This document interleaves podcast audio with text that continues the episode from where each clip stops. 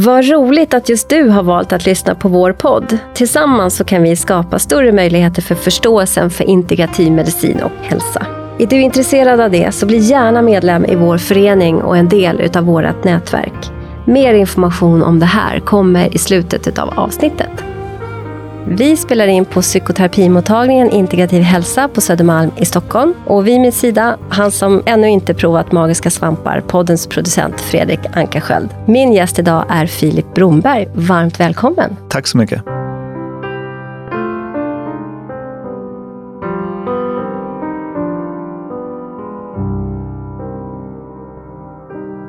Filip, du är legitimerad psykolog och har redan sedan dina psykologstudier intresserat dig för missbruksvård och missbrukspsykologi och hur man kan läka detta. I samband, eller i förlängningen av det, så kom du över kan man säga, artiklar om psykodelika och hur detta då skulle kunna läka de här tillstånden. Men du saknade dock att det, att det presenteras aktuell forskning på din, i, i din utbildning. Utifrån det så startade du tillsammans med några andra psykologstudenter Nätverket för psykedelisk vetenskap. Det här var 2016. Och sen, du, du har verkligen varit i farten när jag har studerat dig, för sen efter det så startade du stiftelsen Osmond Foundation. Vad betyder, alltså varför Osmond Foundation? Osmond Foundation har fått sitt namn efter psykiatern Humphrey Osmond som var en pionjär under 60-talets eh, forskning på psykedelisk psykiatri. Ja, men alltså, då var det därför jag kände igen. För jag känner igen namnet. Tänkte jag, så, var kommer det här ifrån? Men jag har ju också läst en del, så det är kanske där jag har stött på det då. Mm. Du startade den stiftelsen och eh, stiftelsen Osman Foundation stöttar och möjliggör kliniska studier inom psykedelisk vetenskap. Är det bara i Sverige? Primärt i Sverige.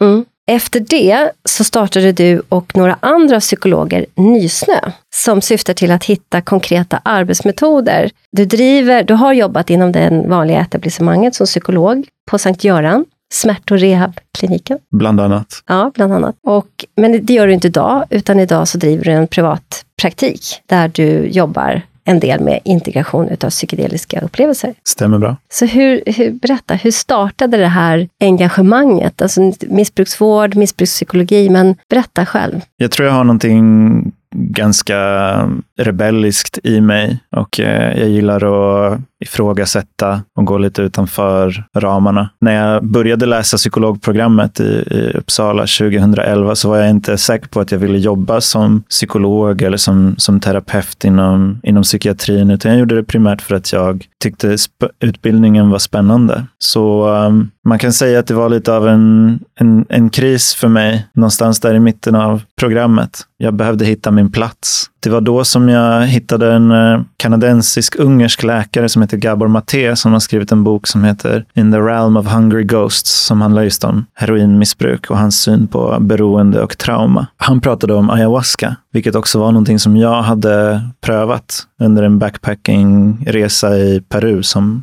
18-åring. Och det var någonting som föll på plats där, så jag blev jätteintresserad av att läsa allt om den pågående forskningen och också den omfattande forskningen som skedde i USA under 50 och 60-talet. Inte bara i USA faktiskt, utan också i Europa och även i Sverige, vilket man kan läsa om i Leonidas Aretakis nyutkomna bok Extas i folkhemmet, som jag mm -hmm. varmt tips. rekommenderar, mm. som handlar om just Sveriges psykedeliska historia. Säg det namnet igen, det, det tål att säga två gånger. Leonidas Aretakis, Extas i folkhemmet. Så um, jag blev jätteintresserad och eh, hade ingen att riktigt prata om med det här. Så um, jag hittade några, efter ett tag några andra psykologstudenter och, och läkarstudenter och um, började arrangera föreläsningar och, och möten. Eh, och varje gång vi gjorde någonting så dök det upp en massa människor som var...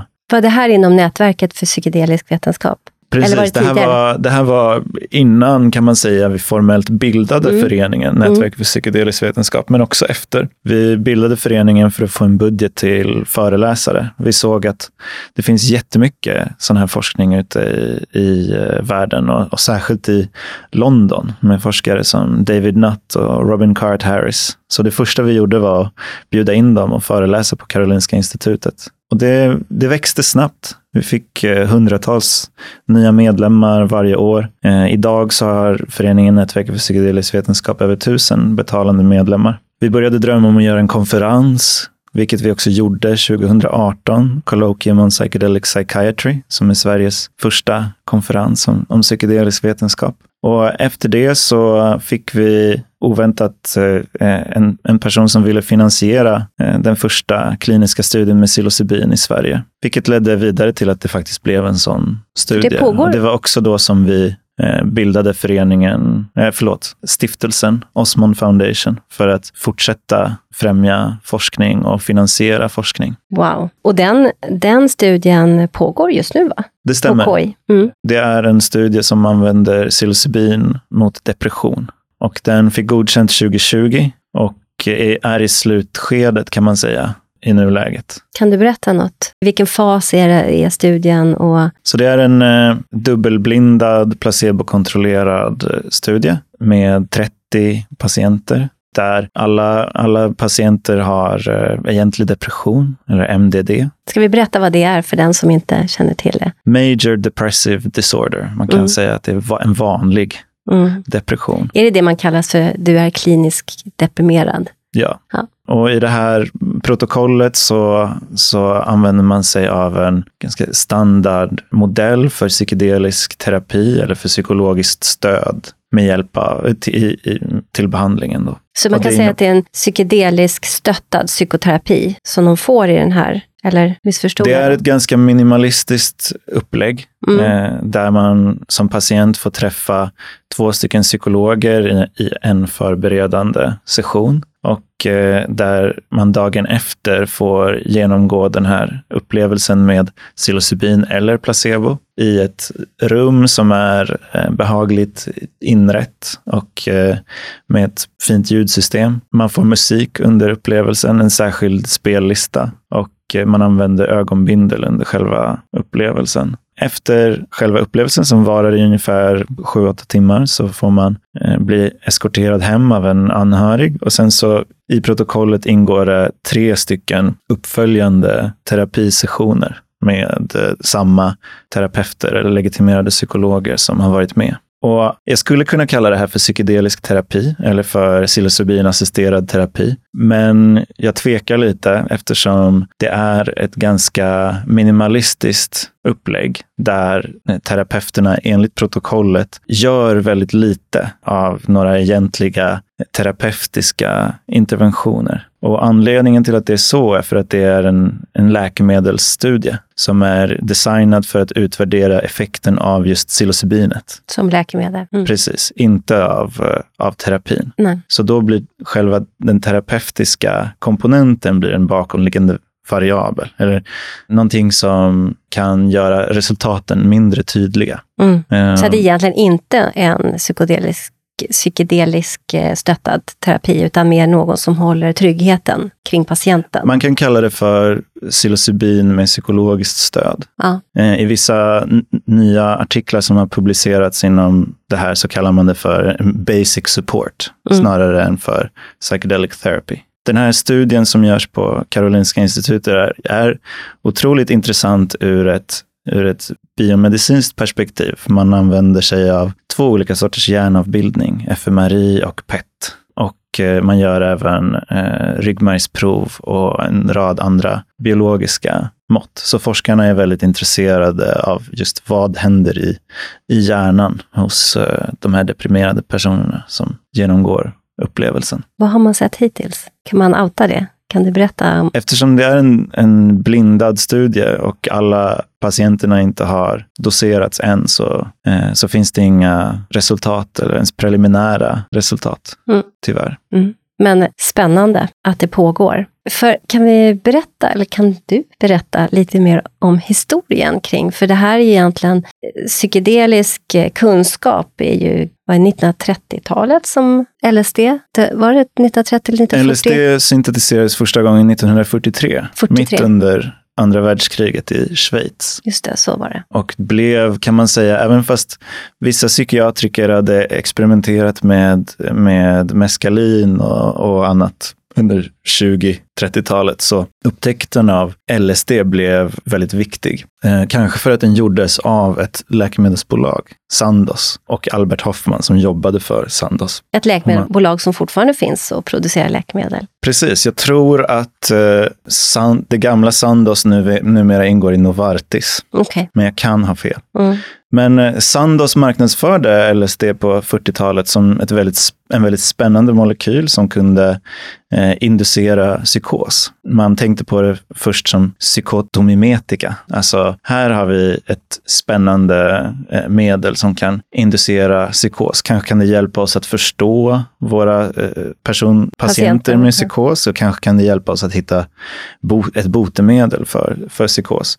Så Sandoz skickade ut LSD till alla psykiatriker över hela världen som, som ville ha det i utbyte mot att de rapporterade tillbaka resultaten. Så det var ett, en slags tidig crowdfunding-forskning. Mm. Naturligtvis inte särskilt rigorös forskning med dagens mått mätt, men det här bidrog till att psykiatriker världen över började experimentera med LSD, både på sig själva och på sina patienter. Och man lärde sig ganska snabbt att de här, eh, det här medlet, LSD, verkar kunna bota flera allvarliga tillstånd. Framförallt så, så experimenterade man med alkoholism och en av grundarna till eh, Anonyma Alkoholister, Bill Wilson, argumenterade själv för att LSD skulle ingå i tolvstegsprogrammet på den här tiden. Så det blev väldigt stort inom psykiatrin när man pratade om, om LSD och sen också psilocybin som ju syntetiseras från en svamp som framtidens eh, behandlingsmetoder. Sen kom 60-talet och eh, de här eh, substanserna anammades av hippierörelsen och det blev en politisk hysteri kan man säga. Samtidigt så var det det, som, det dominerande vetenskapliga paradigmet på frammarsch med just placebokontrollering och objektivitet och, och rigorös forskning. Och de här substanserna passar inte riktigt in i det paradigmet. Det är svårt att göra placebokontrollerade studier med, med psykedelika. När FNs eh, narkotikakonvention, när man bestämde om den, när den infördes, så drog Sandoz in LSD. Så det fanns plötsligt ingen tillgång på LSD för, för forskning. Och eh, amerikanska myndigheterna var inte längre så intresserade av att finansiera forskning på, på de här substanserna eftersom det var en så het potatis rent politiskt. Så därför dog forskningen långsamt ut under eh, tidigt 70-tal. Men varför var det sån polit... Vad, vad, hände som gjorde... Jag tänker 1943 och sen så distribuerades det ut till psykiatriker, patienter fick prova. Det är ju nästan alltså 17 år senare, eller 20 år senare, så blir det hippierörelsen och det kommer ut. Det är ju det är många år. Va, vad händer där som gör att det blev sån politisk, eh, politiskt motstånd? Det är eh, en lång och, komplex historia som det har skrivits flera böcker om. Så jag kan rekommendera den som är intresserad att läsa Michael Pollans bok How to change your mind, som på svenska heter Psykedelisk renässans, där den första delen handlar om, om just eh, historien. Men eh, några viktiga komponenter i den här utvecklingen är eh, Vietnamkriget och antikrigsrörelsen där olika protestanter från, från olika läger, det var hippies, det var svarta, det var arbetarklassen som gjorde uppror. Det här var den första motkulturen som eh, gick emot uppfattningen om hur man skulle leva sitt liv i 50 och 60-talets USA. De här grupperingarna använde LSD och även, även cannabis och, och andra droger. Det här var ju på en tid då det inte fanns några regler. Det fanns inga lagar mot att använda LSD eller cannabis. Men eh, man ville sätta dit de här eh, antikrigsprotestanterna eh, och eh, framförallt sätta stopp för Timothy Learys budskap. Timothy Leary som var en avhoppad Harvard-professor som, som började argumentera för att eh, man skulle hoppa av sina studier och inte jobba och eh, leva hippielivet. Absolut inte åka och kriga för eh, den amerikanska staten i Vietnamkriget. Och Timothy inte ha- Leary är känd för att, ha- för att ha sagt tune in, turn on, drop out. Mm. Och inte bara inte kriga, utan kanske inte ha det här äh, 9 till 17 jobbet och gå in i det här ekorrhjulet liksom, som vi alla är mer eller mindre kidnappade av. Precis. Mm. Så det, fann, det var en tid av otroligt mycket protester i, i USA. Det var också, fanns också en, en antirasismrörelse och, som upplevdes som problematisk av, av etablissemanget. Eh, Så om man googlar så, så, är det, så får man läsa mycket om den här, om, om den här, om de här politiska om motstridigheterna som en anledning till att forskningen försvann. Men jag skulle säga att det handlar lika mycket om att objektivitet blev så pass viktigt inom, inom vetenskapen. Att man slutade värdera människors subjektiva upplevelse som, som viktig. Helt enkelt att kvantitativ forskning blev mer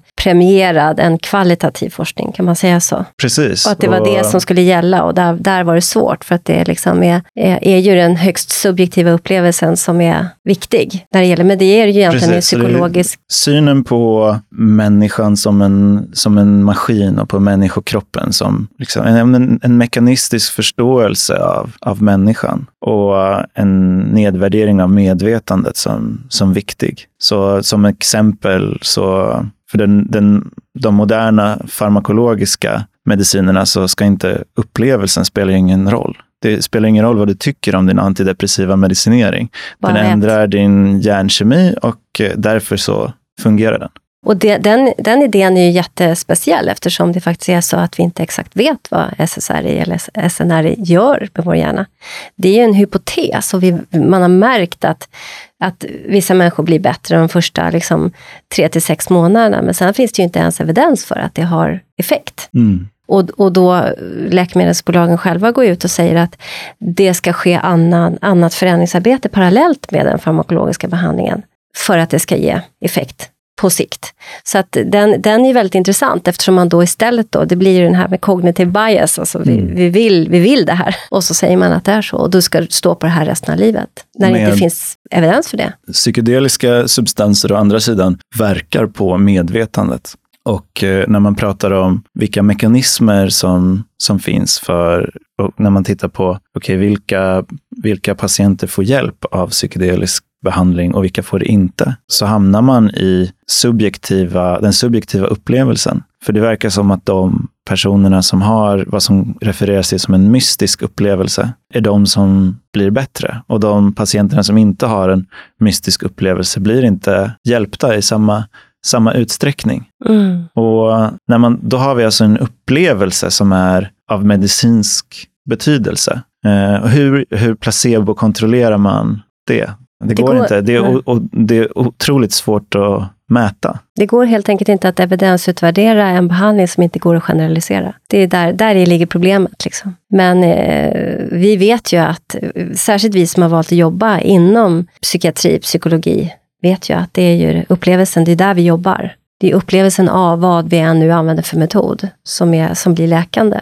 Och relationen i arbet, arbetsramen. Ja, Och så psykedelisk forskning som, som fält är så oerhört intressant just för att vi måste utveckla nya sätt för att eh, förstå och, och utvärdera och ta reda på hur saker ligger till med psykedelisk medicin. Hur kan vi skapa oss en, en förståelse av olika mekanismer? När vi har en substans som på ett pålitligt sätt kan inducera en transcendent, mystisk, spirituell upplevelse som sen också hjälper medicinskt, då måste vi ta den här upplevelsen på allvar. Mm, verkligen. Så är det. Och egentligen idag, så det är ju liksom moget för egentligen att ta den här forskningen vidare, tycker jag, som har studerat ACE-studien, Adverse Childhood Experience, att där har man ju sett, den är ju så otroligt stor den här studien, men där har man ju verkligen sett att där vi har blivit, om vi har blivit traumatiserade eller varit med om upplevelser där det har funnits rädsla utan lösning, eh, flera, en gång, flera gånger under vår uppväxt så genererar det mycket högre risk för somatisk sjukdom. Det kan ju vara allt möjligt, hjärt-kärl, cancer, men också psykiatriska olika utmanande tillstånd. Och där är det ju upplevelsen som sen har genererat tillstånd som vi behöver behandla medicinskt. Så jag tänker att det, det är någonting som händer just nu på vår planet som är liksom intressant, att det sammanfaller.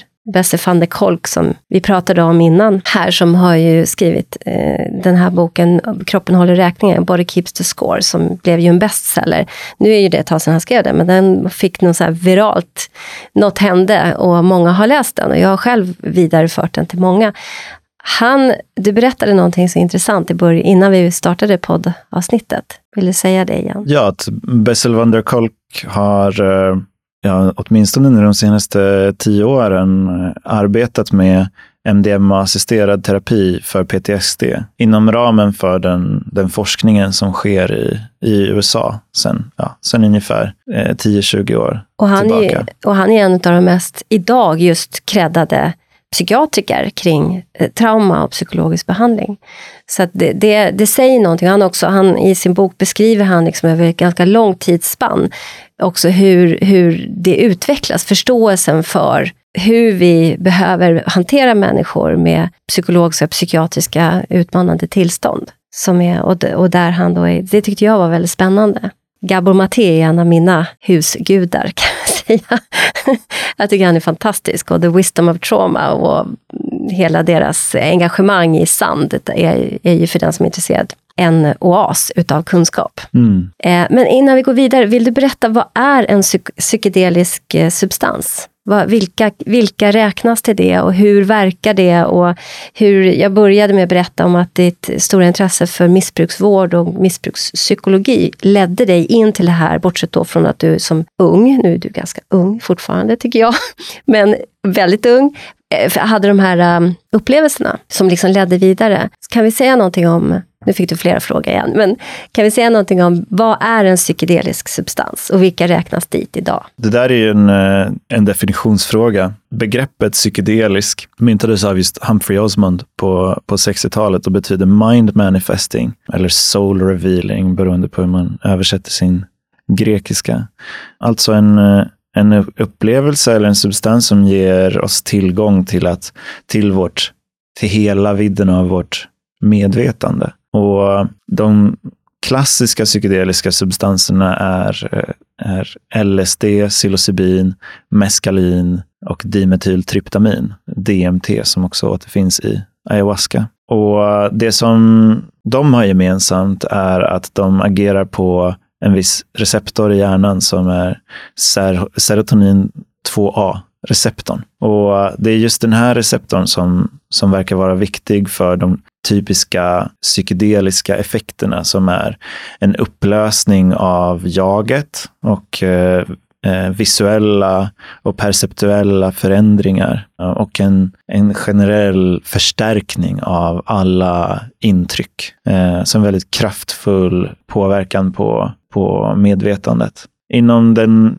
inom det psykedeliska forskningsfältet idag så har man en lite bredare definition där man också inkluderar eh, substanser som MDMA och ibland ketamin. Och det är substanser som har en helt annan mekanism och också andra effekter på medvetandet. Men man inkluderar dem just eftersom man kan använda dem terapeutiskt på ett liknande sätt med förbered, inom ramen för terapi för att, få, för att skapa djupgående förändring som håller i sig långt efter, efter att substansen har gått ur systemet. De första som du sa, psilocybin, DMT, eh, DMT eh, som finns i ayahuasca och så sa du meskalin. meskalin. Är det också alltså biolog, alltså, jag tänker så här från växter? I alla Precis, de första de är, du sa från de är växter? naturligt förekommande. Plantmedicin. Alltså, meskalin finns i, i olika typer av kaktus. Okej. Okay. Så ja, de, i, idag så används, så används också begreppet plantmedicin mm. inom, inom liksom ceremoniella mm. kretsar eller mer traditionellt eh, mm. bruk. För det jag tänkte var att är MDMA alltså som också är ecstasy. Ja. Och ketamin är ju, är ju syntetiska, eller hur? Syntetiskt framställda substanser. Det stämmer, det, det stämmer angående MDMA. Ketamin syntetiserades ju på 60-talet första gången och man har sagt att det här är en, det här är en syntetisk eh, substans. Men för bara några, något år sedan så hittade man en svamp som producerar ketamin Mhm. som ett försvar mot, eh, mot parasiter. Så vi var inte först med ketamin heller. Är vi egentligen först med någonting? Om man går tillbaka till Nature, där finns ju liksom allt. Mm, Ja, Aha, det visste jag inte. mm. Vad intressant. För annars är ketamin ett narkosmedel, va? Från början. Eller? Stämmer. Ja. men det Mm. har också en, en kraftig eh, psykoaktiv effekt. Mm. och eh, som kan inducera en typ av egoupplösning eh, som kan bli en väldigt, en väldigt lärorik och terapeutisk upplevelse. Inom forskningen och inom psykiatrin de senaste 10-20 åren har man börjat använda ketamin just för att behandla depression. Eh, men ofta då utan ett psykoterapeutiskt tänk. Man ser det som en, eh, som en enbart farmakologisk effekt. Som fungerar, eh, verkar det som, åtminstone på kort sikt. Mm. Som Är det studier som pågår just nu eller har man redan tagit ut i behandling? Eh, Det finns en variant av ketamin som heter S-ketamin som har blivit godkänt för behandling av depression. Men det finns ingenting som tyder på att just den skulle vara mer effektiv än, än generisk ketamin. Okej. Det här ketamin används, har blivit godkänt i Sverige för behandling av depression. Eh, men det används i väldigt liten utsträckning. Eh, inom, I USA så har så kallade ketaminkliniker blivit jättestort på gott och ont i alla möjliga format och eh, omfattning. Eh, Just ketamin har jag varit med i olika trådar där man också problematiserar den behandlingen. Vad tänker du om det? det Ketamin har med... ju, om vi ska prata risker med, med olika Mm. substanser inom det här fältet, så, Mm. så just de, de klassiska psykedeliska substanserna har i, i stort sett ingen beroendepotential och de är inte heller toxiska för, för systemet. Det är i princip omöjligt att dö av en överdos av psilocybin eller, eller LSD. Mhm. Eh, Och MDMT, ayahuasca? samma sak där. Mycket säker från Mm. ett rent eh, eh, farmakologiskt Mm. perspektiv. MDMA och ketamin har både en, en viss beroendepotential, MDMA lite mindre och ketamin lite mer. MDMA kan man absolut överdosera på och det räcker med eh, en dos på eh, tre, fyra gånger den så att säga vanliga dosen för att, för att man ska kunna dö av hjärtfel. Ketamin är på kort sikt extremt säker. När man ger ketamin som bedövningsmedel så, så kan man ge otroligt höga doser även till små barn. Mycket, mycket högre än vad man ger i, in, i, för psykiatrisk indikation för att behandla depression. Men det finns en beroendepotential och eh, det finns också en, en tendens som, som jag ser inom det psykedeliska fältet generellt att minska på det psykoterapeutiska arbetet och eh, bara köra på En farmakologisk den behandling? typ. farmakologiska eh, slash den omedelbara effekten av, eh, av substansen. För att få, kanske, nu, och nu låter jag cynisk, men för att få patienter att må bättre en kort tid och sen komma tillbaka. Då är det en, en the choice of drug, eller? Precis. Eh, det, det dåliga med psykedelisk behandling ur ett, eh, ur ett affärsperspektiv är ju att eh, det, det krävs väldigt lite medicin för att få en långsiktig förändring. I de studier som har gjorts med, med psilocybinassisterad terapi till exempel så verkar det som att eh, effekten håller i sig åtminstone tre till sex månader, men om man har ett mer omfattande psykoterapeutiskt arbete så kan det hålla i sig flera år. Med alltså en session? Med eh, en till tre doseringssessioner under ganska kort tid med eh, omfattande terapi det, före, mellan och efter. så vill man vara lite konspiratorisk, då kan jag stå för den. är ju att när, alltså om det, med tanke på den farmakologiska utvecklingen som vi har sett i världen, sen kanske 1960, 70, kanske 50 till och med, eh, där man tjänar, där läkemedelsbolag tjänar astronomiska summor på för läkemedelsbehandlingar, så är inte det här heller the choice of drug, som du sa.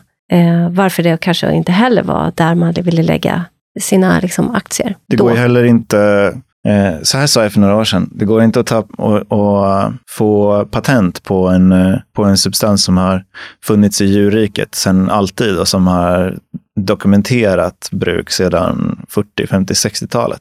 Och därför går det inte att tjäna några pengar på det.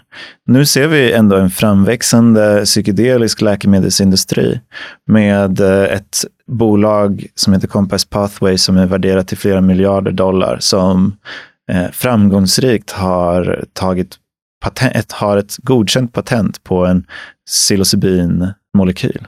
Eh, eller på, på egentligen ett, ett produktions ett, ett, en viss produktionsmetod för, för psilocybin. Vad tänker du om det? Ur ett vetenskapligt perspektiv så håller det inte. Och det, och det finns en pågående juridisk process kring det. Det som Compass Pathways försöker göra, precis som företag gör generellt, är att maximera sin eh, vinst till, till aktieägarna.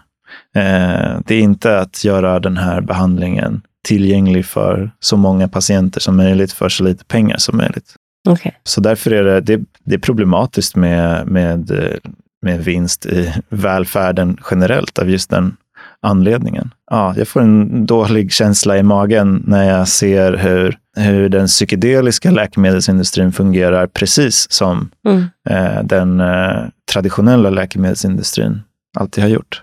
Jag tänker på ditt och dina kollegors eh, engagemang i Nysnö. Är det som en motkraft mot det? Nej, det kan jag nog inte påstå. Eh, Nysnö är ett, ett vinstdrivande bolag. Eh, vi gör det som, som psykologer. Vi har en, eh, vad jag eh, tycker är en, en sund och ansvarstagande intention. Ja, det var därför jag tänkte att det var en motkraft mot det där. Jag tänker att den psykologiska psykoterapin, hållandet, Berätta, vi säger så här, jag har ju läst på om Nysnö, så att jag sitter här och pratar utifrån min upplevelse av att ha läst. Berätta lite mer om Nysnö. Vår erfarenhet som engagerade psykologer inom det här forskningsfältet är att de här behandlingarna kommer att godkännas ganska snart, eh, baserat på hur läkemedelsindustrin eh, fungerar. MDMA kommer sannolikt bli godkänt för PTSD under de kommande två åren och psilocybin kommer antagligen bli godkänt som behandling för depression inom fem år. Så det finns ett enormt behov av att eh, utbilda terapeuter. Eh, ett enormt behov av att höja eh, kunskapsnivån när det gäller de här behandlingarna. Och eh, min dröm som som psykologstudent var att lära mig det här arbetet genom att jobba inom, inom forskning. Samtidigt så när vi har, när vi har gjort precis det så har vi sett att man lär sig väldigt lite inom, inom forskning eftersom det är så pass fyrkantigt och eh, man får träffa oerhört få patienter. Så var ska vi lära oss hur man arbetar med, eh, med psykedeliska upplevelser om vi inte vill bryta mot lagen? Vi bildade Nysnö som som sysslar med, med eh, utbildning och att eh, höja nivån på samtalsklimatet kring psykedeliska upplevelser. Och en viktig del i arbetet med Nysnö är att anordna retreats i Holland som är lagliga med psilocybintryfflar. Och det här möjliggör att eh, eh arbeta och, och utveckla metoder, eh, best practice för framtiden. Eh, och också erbjuda eh, svenska terapeuter, läkare, att ha, en, att ha en laglig och trygg djupgående upplevelse med, eh, med psilocybin, vilket vi tror är nödvändigt för att kunna ha en förståelse för, för den här typen av behandling. Varför namnet Nysnö? Det kommer från en, eh, från en metafor i forskningen eh, som ibland brukar eh, tillskrivas Mendel Kalen som en forskare just på, på musikens betydelse för den psykedeliska upplevelsen. Men han beskriver medvetandet lite som, ett, eh, som en skidbacke eller som ett, som ett berg med snö på. Och våra tankar som en, eh, kan säga en pulka eller en, en släde som åker ner för det här berget. Och varje gång som vi åker ner för berget, varje gång som vi tänker en tanke, så eh, bildas det nya eh, synapser Eh, det blir lättare att tänka samma tanke igen. Och det är så våra, tankemönster och våra olika genvägar i, i medvetandet eh, formas. Men det finns en, en risk för, eh, för rigiditet i det. Att vi, när vi hamnar i, en viss, i ett visst eh, spår så kan det vara svårt att eh, komma ur det. Och eh, då kan en, en psykedelisk upplevelse i, i, bästa fall fungera som ett lager nysnö som gör oss, ger oss möjligheter att tänka på nya sätt. En möjlighet att börja om lite grann eller få en fresh start. Så det är anledningen till att vi valde namnet Nysnö. Det är ett jättefint namn. Ett, Samtidigt... En viktig poäng med, med Nysnö och det, här, och det här etiska tänket är att just nu inom forskningen så utvärderas ju eh, psykedeliska substanser som, som möjliga behandlingar för, för psykisk ohälsa. Och de är inte godkända behandlingar än. Vi vet inte egentligen så mycket om för vilka fungerar eh, psykedelisk behandling, för vilka fungerar det inte. Och därför så erbjuder inte Nysnö psykedelisk behandling, utan vi riktar oss till friska personer som, som vill utforska vad en psykedelisk upplevelse kan, kan innebära. Eh, så därför har vi en noggrann screeningprocess där vi går igenom viktiga aspekter av psykisk ohälsa, ärftlighet, för att kunna göra det så tryggt som möjligt. Men om man är då frisk, men intresserad, personlig utveckling, tänker jag, lära sig mer, kunskapa, så kan man söka vägar och kontakt med er via er hemsida, helt enkelt. Det kan man göra. Mm. Nysnö.se. Apropå ceremonier, då ni åker dit och har ceremonier, visst kallar du så? Ja. ja för, kan inte du berätta om en, för att jag har ju lyssnat på dig i många poddar, eh, Navid Morini. Modiri. Modiri. Jag säger alltid fel på hans efternamn. Eh, han har ju en fantastisk podd, bland annat. Han har ju varit medverkande i flera, men eh, Hur kan vi? Där kan man lyssna på dig i en två timmars lång podd. Jätte, jätteintressant. Du har också varit med i Lyckopodden. Du har varit hos eh, Madeleine Mofjärd i Perspektiv. Jag har lyssnat på hur du har beskrivit själva alltså att settingen för en psykedelisk upplevelse. Du pratade förut om en mystisk upplevelse och jag hade på tungan att fråga dig redan då.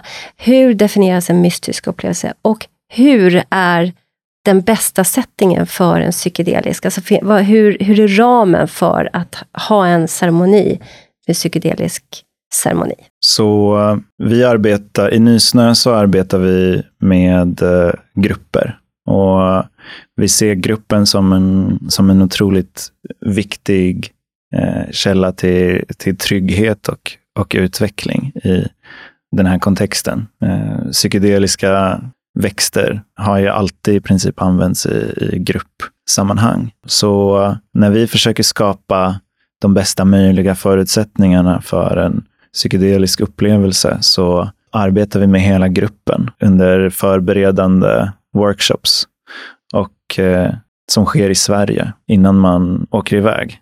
Eh, för att underlätta för deltagare att vara sårbara och, och öppna med varandra. Eh, så det ser vi som, just tryggheten är väldigt viktig. Eh, och tilliten till de som håller i det och tilliten till, eh, till gruppen. Våra retreats sker i en naturskön miljö i, ute på landet i Holland. Och vi är noggranna med att vara tydliga, eh, att alla deltagare ska ha all informationen som, alla, att alla frågor ska vara besvarade. Eh, vi ser till att allting är bekvämt, att det finns god mat, att man känner sig hållen genom hela processen för att kunna eh, möta det som kommer upp. Det kan ju ofta vara väldigt obehagliga upplevelser, eh, vilket jag tycker inte framhävs tillräckligt mycket i, i media. Eh, man pratar om en antidepressiv effekt, men man pratar inte så mycket om den, det mörker och den smärta som det kan innebära att eh, komma dit. Så vi har, en, vi har under våra retreats så, så har vi två ceremonier med en vilodag emellan. Eh, då vi också gör olika övningar för att stärka gruppen och underlätta för eh, deltagare att ha sin egen process. Sen har vi också uppföljande workshops i Stockholm där vi jobbar med integration. Att eh, eh, omsätta insikter och göra land, omsätta insikter i, i handling, i förändrade beteenden och eh, göra landningen så mjuk som möjligt. Det är så vi jobbar. Men har ni också musik och så som du har nämnt tidigare? Det har vi. Samtalet, ja. Ehm, Jag, vi har framförallt inspelad musik. Eh, Mm. Jag det- tänkte du sa det på KI till exempel med psilocybin-studien som pågår där, så det är en speciell spellista. Är det samma, att man tänker på själva settingen utav musik, det Precis. visuella? Eh, Jag eh, har eh, ett stort intresse för musik och har blivit lite, lite musikansvarig kan man säga. Så att under, under våra ceremonier så väljer jag musiken baserat på vad som händer i, i rummet. Eh, Så det är olika musik varje gång. Men eh, den är mycket inspirerad av den musiken som används inom forskning. Det är, kan vara klassisk musik, det kan vara elektronisk så kallad ambient musik. Och det kan också vara, finns också inslag av mera världsmusik till exempel. Mm. Sen så har vi också livemusik på vissa av våra eh, retreats, men inte alla. Okej. Du frågade också om Vad eh, är här, en hur definierar man en mystisk upplevelse? Så den, den finns ju eh, definierad i, i det som kallas för The Mystical Experiences Questionnaire som togs fram av Walter Pankey på 60-talet och sen har modifierats till dagens forskning. Eh, men det är ett frågeformulär eh, som har fem faktorer och jag kommer inte ihåg alla, men eh, några av dem är transcendence of space and time, alltså att man tappar eh, uppfattningen för rum och tid. Noetic quality, alltså känslan av att något gudomligt eller någonting heligt. Positive mood är en, att det, att det, att det känns bra, Mm. helt enkelt. Jag tror också att en annan är oceanic boundlessness, alltså känslan av att flyta ut, att, gräns, att gränser upplöses. Um, en annan är uh, ineffability, in, känslan av att uh, det som jag just har upplevt går inte att beskriva i ord. Uh, så beroende på vad en deltagare berättar om upplevelsen efteråt så avgör man om, det, om man har fått en mystisk upplevelse eller ej. Och det här korreleras med behandlingsutfall i, i forskning. Mm. Det finns också det finns studier på hur man kan hjälpa personer att ha en mystisk upplevelse. Och det handlar om faktorer som till exempel trygghet. Det finns också personlighetsfaktorer som spelar in. Till exempel hur mycket man tenderar att oroa sig eller hur mycket motstånd som man har. Försökspersoner beskriver ofta en stark rädsla av att, om att kopplat till att förlora kontrollen och att släppa taget. Och eh, inom fältet så pratar man om vikten av att just släppa taget. Att om du ser, om du träffar, ett, träffar på ett monster i din upplevelse, spring inte från det, utan gå mot det eh, och fråga det vad, som, vad det vill. Och för att kunna göra det så, så krävs det väldigt mycket trygghet. Eh, det kanske krävs en terapeut som, som håller dig i handen eller ja, någon, som, någon som finns där för dig. Mm. Ja, det finns ju det finns säkert många filmer, men det finns ju en film som heter The Last Shaman, eller ja, The Last, uttalar man det så, The Last Shaman på Netflix. Där är det ju, om jag kommer ihåg rätt nu, är ju, där är det ju väldigt tydligt att Eh, den här, det är en ung man som har lidit av depression eh, i stora delar av sitt liv. Han har fått all hjälp i USA som har kunnat liksom frambringas. Hans, läkare, hans föräldrar är läkare. Men han liksom hittar inte igenom och känner att liksom det här livet är inte värt att leva. Och då tar, för, har han hört talas om det här med ayahuasca och åker till Peru, tror jag att det är. Och där ska man liksom leta, en del i det hela är att leta efter sin egen schaman. Och, eh, och hittar då den här mannen som man har liksom en lång samtalskontakt med och får göra olika prövningar, får vara ute i djungeln ensam under flera dagar och så här som, som den här schamanen liksom skräddarsyr åt honom. Och sen slutar det med att han gör den här ayahuasca-ceremonin, kanske en till, jag kommer inte riktigt ihåg. Men, och, och sen efter det så har han en lång samtalsterapi med sin schaman innan han åker tillbaka till USA. Och det vittnar ju om den här tryggheten, att det också är liksom, det är ju som en psykodelika-stöttad psykoterapi, liksom, att han, han har de här samtalen och sen så gör han den här interventionen tillsammans med sin shaman i grupp, tror jag det var. Eh, men också möter sig själv på olika sätt som den här liksom, terapeuten har bestämt att du behöver göra, eller har sett att du behöver göra. Och sen den här långa integrationen innan han lämnar. Men han blev ju frisk. Det är en dokumentär, han blev ju frisk av det här. Så intentionen som ni bär med Nysnö och som jag själv som psykoterapeut tycker väldigt, jag håller ju liksom ett, ett väldigt nära öga på den forskning som sker för att jag har egna erfarenheter och också sett de här läkararbetena. Men jag har också sett tvärt emot, för vi får ju in här på, på mottagningen de som har haft väldigt svåra upplevelser och framför allt experimenterat själva. Köpt på nätet och experimenterat själva och blivit livrädda, som vi får hjälpa igenom med bearbetning av den upplevelsen. Vilket ju går att göra. Eh, men där kan det ju vara bland annat så här möta monster och då, och då är man själv med den upplevelsen så försöker man väl springa därifrån. Det går ju liksom inte att springa från sig själv. Där ligger liksom ett stort problem, för det är ju ens eget inre som visar sig. Precis. Jag tror att eh, många som prövar eh, psykedeliska substanser, vare sig det är på egen hand eller i ett ceremoniellt perspektiv, hoppas att de ska må bra efter ett, ett retreat eller, eh, eller en, en upplevelse. Men eh, ofta blir, blir det snarare en, en insikt i hur illa det faktiskt är ställt. Och det kan ibland överraska eh, människor hur dåligt de egentligen mår när de inte har samma tillgång till sina försvarsmekanismer och sina olika säkerhetsbeteenden. Mm. Man kallar det för en ego death i vissa sammanhang, kanske mer plantmedicinsammanhang, men, men det är ju det här jagupplösningen som sker, att man liksom möter saker som man kommer bortom sig själv och kan släppa på saker man annars inte kunde göra. Jag är ju symboldramaterapeut och jag tycker att i den terapin så kan vi också möta eh, just det här att man möter symbol, den symboliska inre världen, det som är vårt första kommunikationssystem bortom orden. Eh, bilder och symboler och så vidare. Och när vi ser det här och kan omformulera det i relation, i en terapeutisk situation, så kan man förstå saker och ting som vi kanske måste sitta och prata om i ett, två år i en regelrätt samtalsterapi.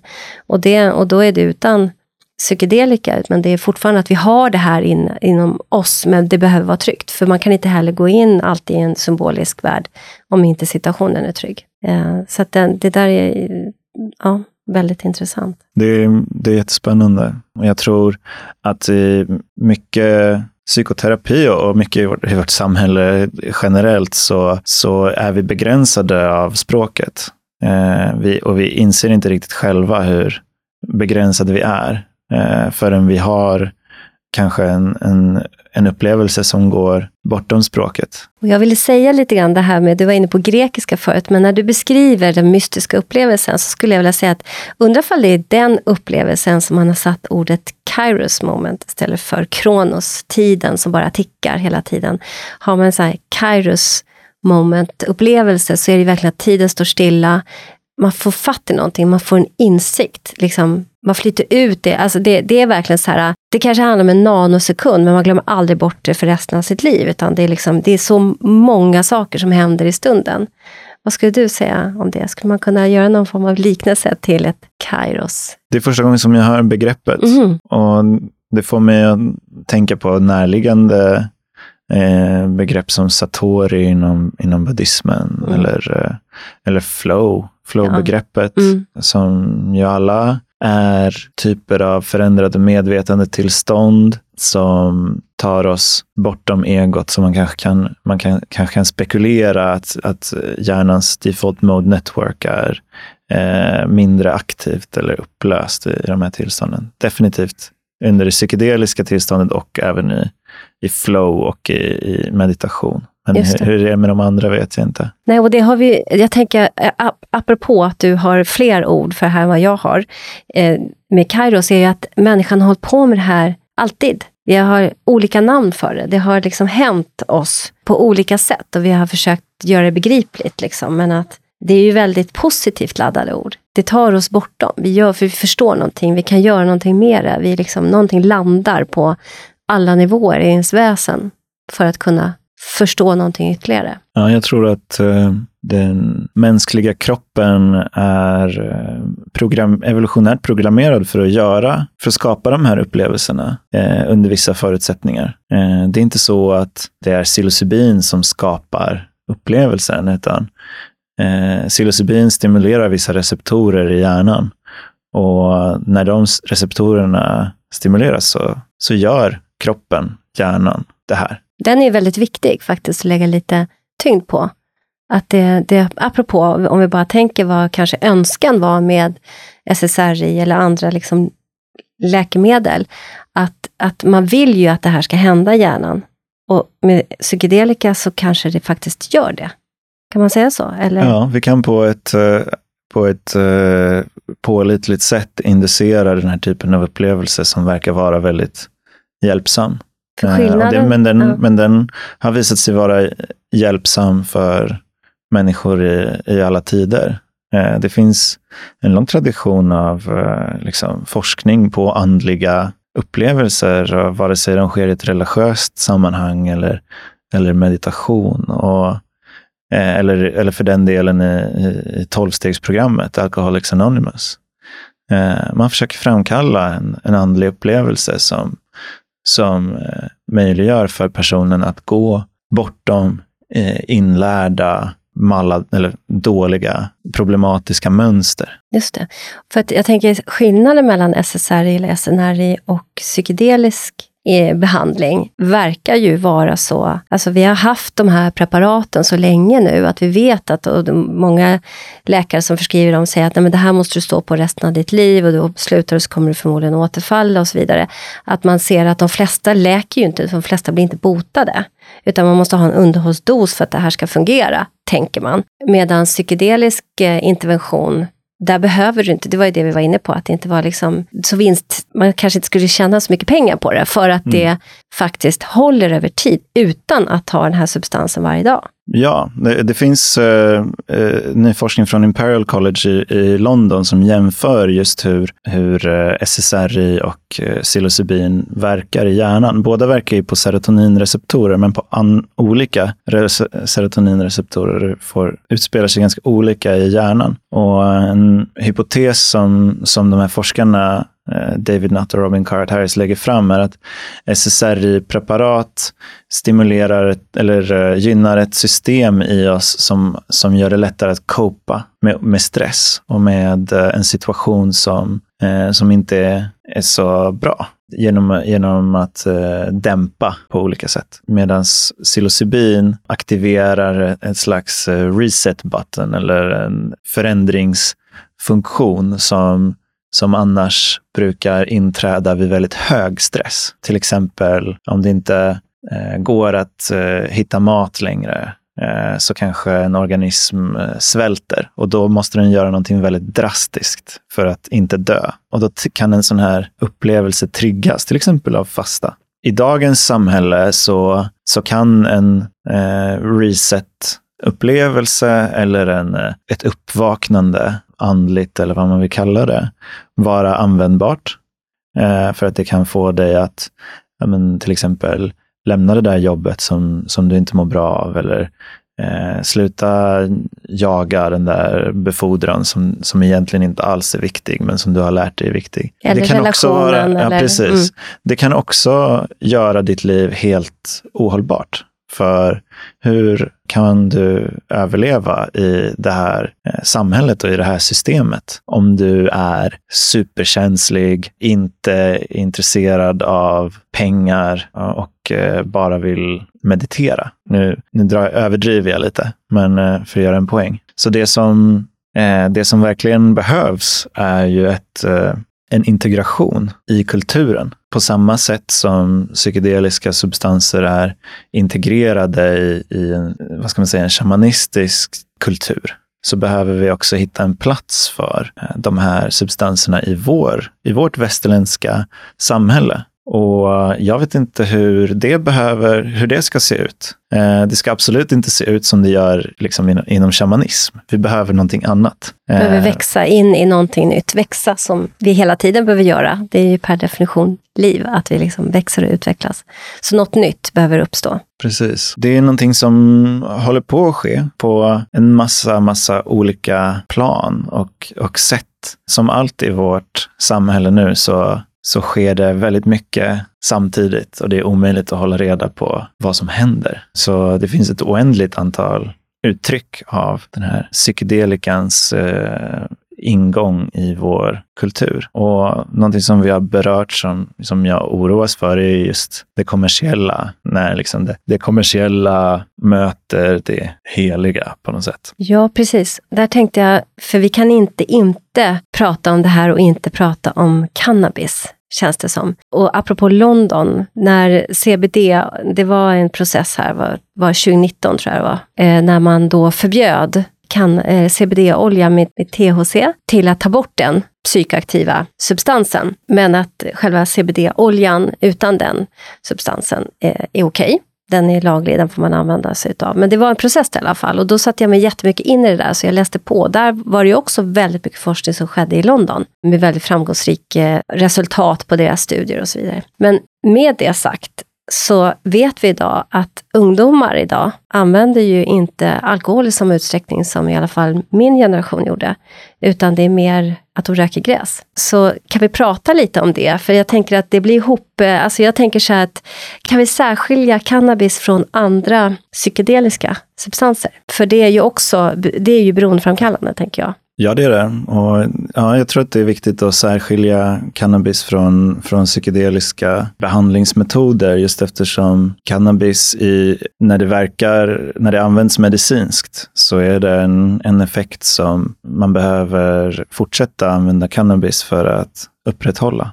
Jag säger inte att det per definition är fel eller dåligt för att det är en underhållsbehandling. Men eh, det verkar inte så användbart ur ett terapeutiskt Eh, perspektiv eller ett inlärningsperspektiv för den delen. Så man kan inte riktigt sätta det tillsammans med ketamin och MDMA? För där de ju också har en viss beroendepotential. Bero, beroendepotentialen är, är egentligen, eh, alltså den är viktig att ha koll på naturligtvis, men den, men den definierar inte hur användbar substansen är ur ett terapeutiskt perspektiv. Jag menar, morfin är extremt eh, användbart inom, inom sjukvården och det har en otroligt hög beroendepotential också. Sant. Sant. Jag tror absolut att det finns en, en plats för, eh, för cannabis eller cannabisbaserade läkemedel i, i framtiden. Jag kan se också en, eh, till exempel en eh, potentiellt användningsområde inom PTSD-behandling där man kan använda cannabis för att lindra symptomen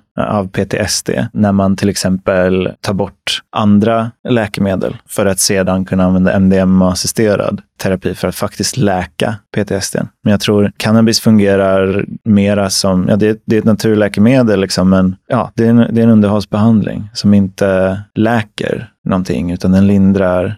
symptom. Mm. Så det, där ser, särskiljer den sig från MDMA och ketamin, för där kunde man se en eh, ihållande effekt, även om man inte höll på med en underhållsdos. Precis, och, det, och den, det har ju att göra med upplevelsen. Att den inducerar, man inducerar en upplevelse som läker på samma sätt som psykoterapi läker. Mm. Så då kommer jag till min sista fråga, där jag vill fråga dig om det är någonting som, vi, liksom, som du känner att du inte har fått frågan om, inte fått berätta, men som är viktigt att lägga lite fokus på innan vi avslutar. Så någonting som jag tycker är eh, otroligt viktigt att komma ihåg när det gäller psykedelisk behandling är just det som, som handlar om omvärlden, om vår miljö, eller det som man kan kalla för kontextuellt.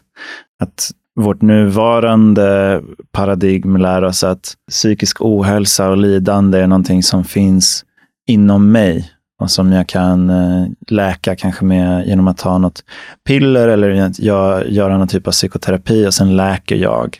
Men psykiskt lidande är någonting som väldigt ofta finns i, i, eller som alltid finns i relationer och som finns i vår kontakt med omvärlden. En person som är deprimerad har relationer och en hel livssituation som, som karaktäriseras av depressionen. Så om vi ger eh, eh, psilocybin till en person som är deprimerad så är det saker som måste ske också i, i omgivningen. Det måste ske omfattande förändring som kanske kräver mycket mer än vad, som, vad man kan göra i, i med vanlig psykoterapi. Så jag tror att eh, vi behöver arbeta mer med grupper och vi behöver arbeta mer med kontext. Eh, vi behöver utnyttja den eh, mekanismen som kallas för connectedness, eller att eh, patienter i de här studierna känner sig som att de är mer i kontakt med sig själva och mer i kontakt med sin omgivning och mer i kontakt med världen i stort, med naturen och, och miljön. Det finns en studie från, som gjord av Rosalind Watts vid Imperial College som handlar om just den här känslan av connectedness som, som patienter ofta berättar om efter en sån här upplevelse som ofta går i raka motsatsen till hur de är vana, vana att bli behandlade inom psykiatrin. Jag tror att det finns, en, eller det finns ett problem med, med isolering, särskilt i västvärlden. Att vi fjärmar oss från varandra på olika sätt. Jag tror inte att psykedelika nödvändigtvis är lösningen på det, men jag tror att eh, det finns någonting som vi kan lära oss av andra kulturer och eh, kanske från det liksom, ett integrativt medicinskt perspektiv tror jag verkligen behövs för att integrera de här substanserna och de här upplevelserna i, vår, i vårt samhälle på ett bra sätt. Mm. Jag tänker på det här med att, som du säger, att bli reconnected med sig själv. När du beskriver den här psykedeliska upplevelsen och man kanske möter ett monster som man istället för springer ifrån går mot. Att man liksom reconnect med sig själv, även de delarna som som är våra skuggsidor, som vi inte vill kännas vid. Som vi liksom, att det blir ju, man får sig själv tillbaka. Och, och jag tänker så i, i all psykoterapi, att vi behöver bli reconnected with ourselves. Så vi är ju högst relationella varelser. Vi blir till i den andres ögon. Vi behöver liksom göra det här tillsammans med andra, apropå gruppens potential, tänker jag. Men att, att också komma i kontakt med oss själva och som det här med att inte vara ensam vikten av den, där kommer ju vikten av den psykoterapeutiska interventionen med psykedeliska, är ju att inte vara ensam. Och det här som du beskrev om era retreat i, i Holland, att det är, det är en setting, det är ett hållande, det skapar trygghet. Och det görs ju av er som är där, för de som kommer. Eh, och där är man inte ensam längre. Precis, och och inte heller efteråt. Eh, jag tror att det finns ett stort behov av, av en gemenskap kring de här upplevelserna för att inte känna sig ensam när man väl är tillbaka i sitt vanliga liv med sitt vanliga jobb och så vidare. Jag hade ett par som jag hade i behandling och så de, mannen där hade ett missbruksproblem och, och hamnade i ett återfall. Och, och, hon var väldigt, väldigt orolig och det hände olika saker och så ringde hon mig utanför ramen liksom av terapin. Och jag hjälpte henne där och då så, så sa hon så här, förlåt, förlåt att jag ringer och stör dig. Och då sa jag så fast du är inte ensam. Och när de var färdiga här i behandling så kom hon tillbaka till mig så sa hon att det var det, det, var det mest avgörande som hände under hela terapin var att jag på riktigt sa, sa till henne, för hon kände att det var sant och att jag också fanns där. Du är inte längre ensam, när hon, var som, när hon panikade som mest eh, och fick hjälp. Och jag tänker att det, det är liksom det vi behöver göra. Vi behöver finnas där, vi behöver kunna finnas där och då behöver vi också ha gjort ett arbete med oss själva. Jag hade bjöd in eh, eh, professor Alan Francis som är, var chefredaktör för DSM-4. Så hade vi honom här på en konferens 2016. Han säger i slutet av den konferensen, och han var helt exalterad över hela konferensen, så han, liksom, han liksom var väldigt frispråkig. Så säger han så här, jag tror att vi har så himla mycket att lära därför att vi alla, oavsett om vi är psykologer, psykiatriker eller psykoterapeuter, är sprungna ur en yrkesroll som är den ursprungliga shamanen. Och vi behöver förstå någonting av att ha gått igenom en galenskap för att kunna leda den andra genom galenskap. Där ligger vikten av att vi har gjort ett arbete med oss själva, men också med en ödmjukhet mot det som historien ger oss av kunskap. Det är inte de senaste 100-200 åren som vi bara har förstått saker. Det har funnits i tusentals år. Verkligen. Håller med. Okej. Okay. Stort, stort tack för att du ville komma hit och gästa vår podd, att du tog dig tid. Och eh, det här är något som kommer fortsätta, så att jag hoppas verkligen att jag får bjuda in dig igen och få höra sen när den här studien på KI är färdig och allt som händer med Nysnö och, och så. Tack så mycket. Det ser jag fram emot. Tack.